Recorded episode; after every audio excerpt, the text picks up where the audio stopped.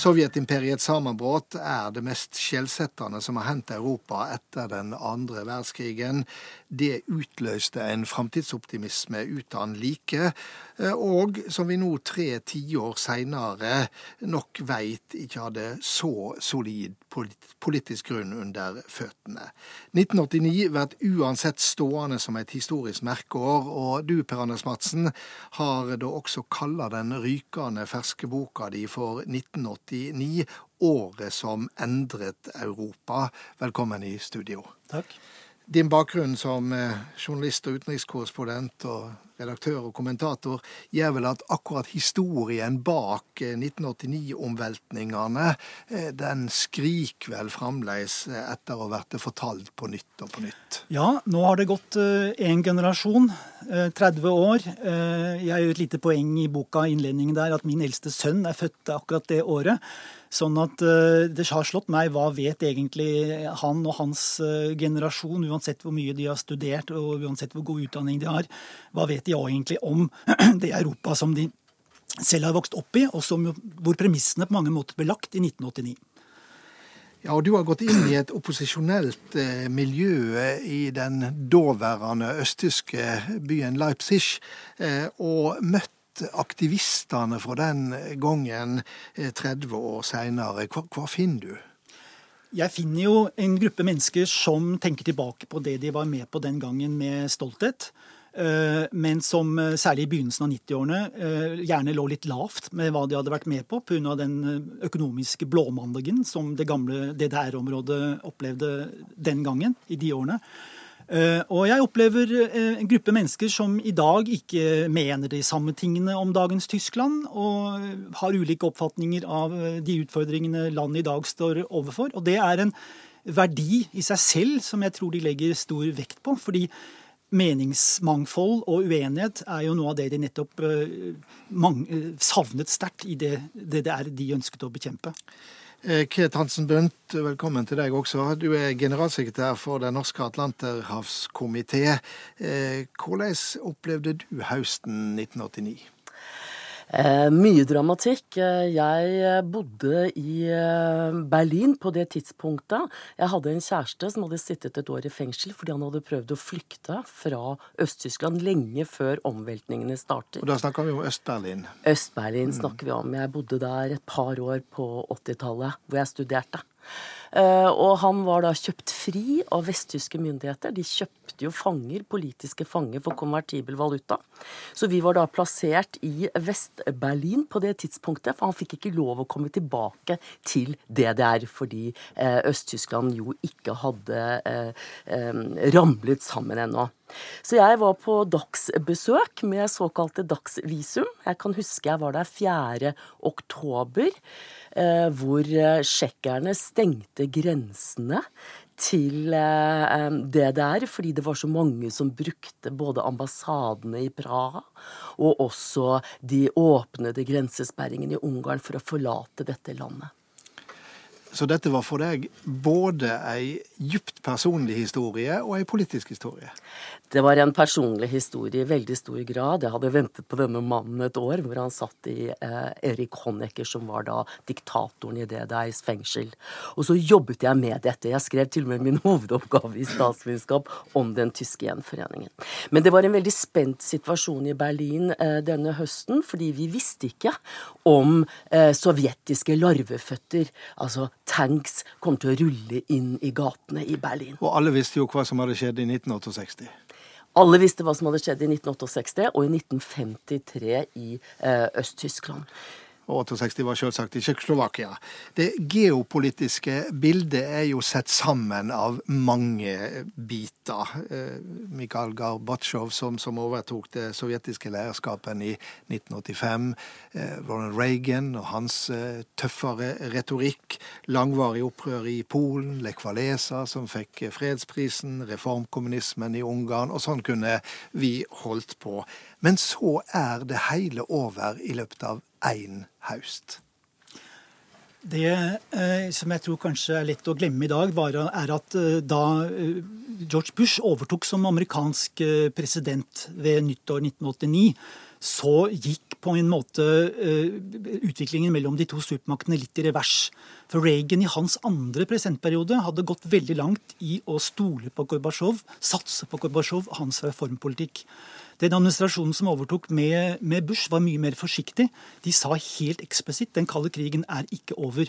Og det er som du antyder, det var den raske utviklingen gjennom 1989, og særlig høsten 1989, som gjorde at også amerikanerne og president Bush på slutten av året erklærte at nå er den kalde krigen over.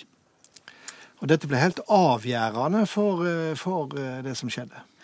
Ja, jeg tror eh, vi kan ikke undervurdere Mikhail Gorbatsjovs rolle i dette når han blir valgt til leder i Sovjetunionen i 85. Så innfører han såkalt perestrojka, glasnost, sin reformpolitikk, som eh, han ber de østeuropeiske landene om å følge. Det gjør ikke lederne i det der. De eh, sensurerer til og med taler av Sovjetunionens sterke mann. Mm. Og de mener at de eh, må holde eh, det det er sosialistisk eller kommunistisk. For hva slags eksistensberettigelse skal et kapitalistisk DDR ha ved siden av et kapitalistisk Vest-Tyskland? Dette er veldig spesielt eh, for Tyskland, fordi jernteppet gikk jo tvers gjennom dette landet, gjennom Berlin, med knivskarpe våpen som sto mot hverandre. I dag så sitter vi jo med fasiten, hvordan dette skjedde. Eh, når en leser om den tida, og jeg ble minnet om det da jeg i går leste eh, boka di, Per Anders Madsen, det er jo den der sitrende usikkerheten som var når en sto midt oppi det.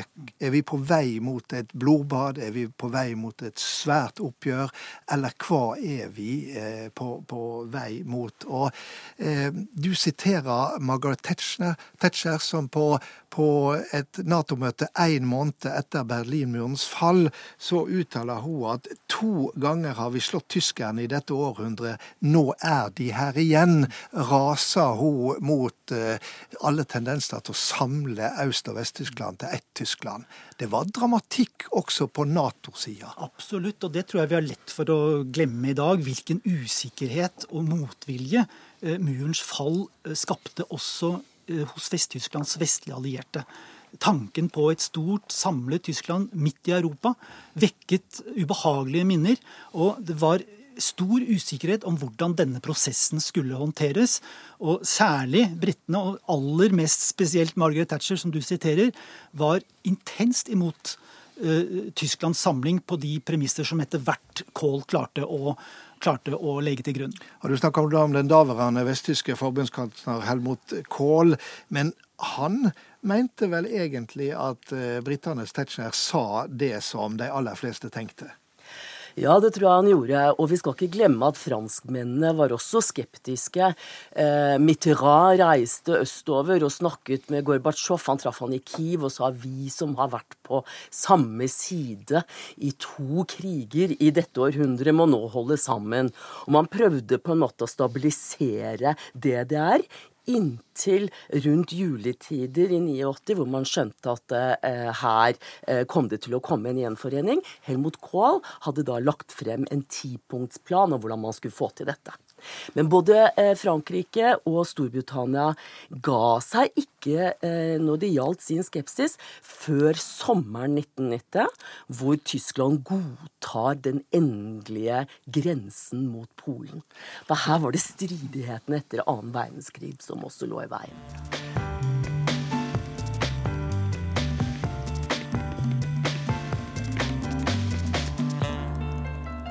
Det er gått 30 år, og vi ser mange av resultatene av det som skjedde denne dramatiske høsten 1989.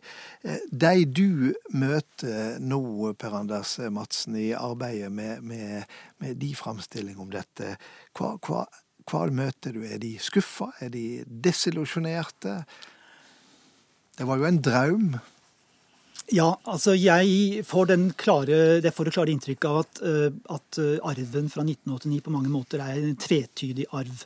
Eh, det miljøet jeg ble kjent med i Leipzig, de var jo unge mennesker den gangen. De var i 20-årene. De hadde ikke noe perspektiv, ingen forestilling om at i løpet av noen ganske få måneder etter at muren falt, så skulle Tyskland være én nasjon. Deres perspektiv var først og fremst hva de var imot. Uh, uh, og uh, de tenkte seg mer et, et demokratisert DDR. og kunne ikke forutse på hvilken måte Helmut Kohl, med sterk støtte fra den amerikanske presidenten Bush, klarte å måte, styre den veldig raske utviklingen mot Tysklands samling gjennom 1990. Og så er det nok ganske det er jo en viss grad av eh, DDR-nostalgi i visse deler av det tyske samfunnet. Man lengter tilbake, i hvert fall visst miljø, lengter tilbake til den, tryggheten, den forutsigbarheten, ikke minst, som det samfunnet presenterte. Så sjøl et forhatt system kan bli da eh, mål for nostalgi, bare det går lenge nok tid? Jeg tror nok man må skille mellom den delen av den østtyske befolkningen som levde relativt greit under det totalitære regimet. Som, de hadde jo Man sa ofte at det der var den beste brakka i leiren. Fordi der hadde man bedre tilgang på mat, på eh, velferdsgoder enn hva man hadde i andre deler av østblokken. Men så var det de ungdommene som var blitt ganske motstandere av eh, regimet utover på 80-tallet, som også samlet seg en sånn fredsbevegelse i den evangelske kirken. Og mange av de hadde jo også ønske om å forlate det der. fordi det folk under 50 år i dag ikke vet, var at man kunne altså ikke få lov til å reise fra sitt eget hjemland. Eh, man fikk ikke pass. Man kunne ikke oppleve verden sånn som etterkrigsgenerasjonen i vest hadde gjort. Og jeg tror dette eh, farger nok hvordan man ser på seg selv, og hvordan det gjenforente Tyskland har behandlet det. Du nevnte Kirkas rolle, og det er også Per Anders Madsen eh, inne på. Fordi at eh, vi vet jo ut ifra den nære historien at Kirka spilte en veldig viktig rolle i Polen. Eh, med den polske kardinal Wojtola som ble pav Johannes Paul, og spilte en inspirerende rolle for, for bevegelsen der, som var mot det kommunistiske regimet. Men også i Øst-Tyskland så spilte kirka en overraskende stor rolle. Men på en ganske annen måte enn i Polen. For det var ikke den type sterk religiøsitet i det østtyske samfunn som det var i det polske. Eh, den evangeliske kirken i Øst-Tyskland spilte en viktig rolle i den forstand at det var den eneste store institusjonen som ikke var gjennomsyret av partiets eh, ideologi. De hadde klart å kjempe fram en viss grad av selvstyre mot at de selv eh, aksepterte kommunistpartiets overherredømme i det østtyske samfunnet. Det var på en måte en stilltiende overenskomst om at kirken ikke skulle utfordre selve makthegemoniet. Eh, mot at de selv fikk en viss grad av selvstyre. Og, eh, så man, man, kan nok ikke snakke om Kirken som én en enhetlig størrelse, fordi mange av kirkelederne var ganske lojale mot systemet. Men det var enkeltprester som var sterkt opposisjonelle, og de ga eh, disse unge aktivistene, som Kate også snakker om, beskyttelse. Så kirken var et form for, eh, en form for eh, asyl for, eh, for disse miljøene.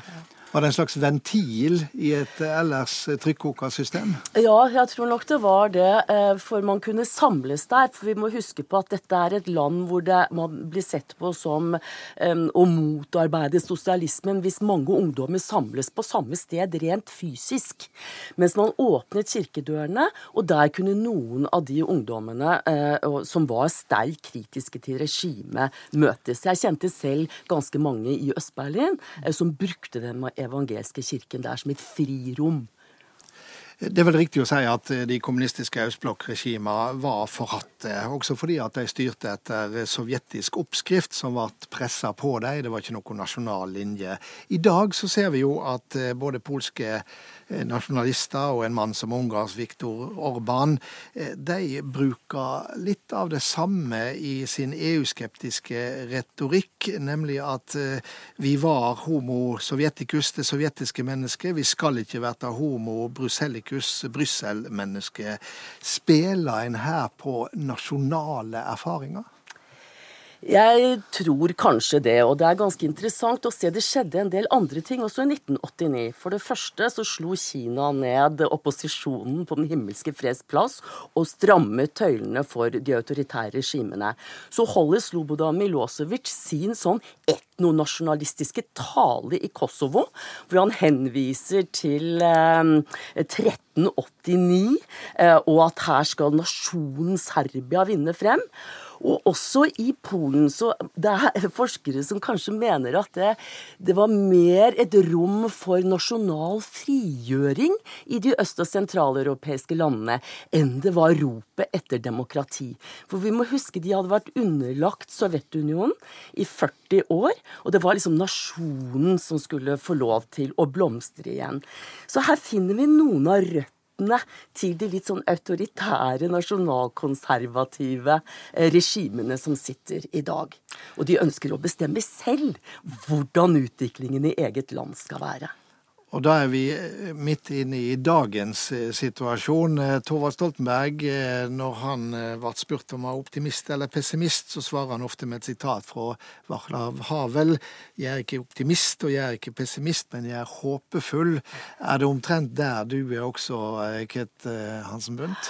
Ja, jeg er håpefull, men jeg tenker at man må ta utviklingen alvorlig. For demokratiet må man kjempe for hver eneste dag, både i parlamentet parlamenter, men også i de sivilsamfunnene som disse landene jo har fått bygget opp, som de ikke hadde før 1989. Og man kan ikke ta demokratiet for gitt. Per Lars Madsen, du har også skrevet Tova Stoltenbergs eh, biografi. Eh, han var jo ikke utenriksminister da muren eh, falt. Hvor var han? Eh, han var i FN-bygningen i eh, New York 9.11.1989. Eh, han sto i heisen i FN-bygningen på vei inn i stillingen som FNs høykommissær for flyktninger. Og rett før heisen skal frakte ham og de andre oppover etasjene, så kommer det noen mennesker løpende bestyrtet og sier nå rives muren, nå rives muren. Akkurat på det tidspunkt så var det noen murer rundt FN-bygningen, fordi det drev noe restaurasjonsarbeid eh, akkurat på det tidspunktet. Så Thorvald var jo overbevist om at eh, det var denne muren de skulle ta ned. Og han skjønte ikke hvorfor. De, var, de tok så på vei. Var hva var dramatikken i dette? Så først en liten stund etterpå så skjønte han at det var en ganske annen mur uh, de snakket om. Jeg, jeg syns det er en ganske talende uh, liten anekdote, fordi selv en mann som Thorvald Stoltenberg, som hadde vært norsk utenriksminister inntil noen måneder tidligere, og som jo satt ganske laglig til for å vite hva som skjedde ute i Europa, mm også for ham så kom altså Berlinmurens fall som et eh, stort sjokk og som en stor overraskelse. Og for ham ble dette alltid senere stående som det beste eksempelet på at store, uventede forandringer til det bedre er mulig.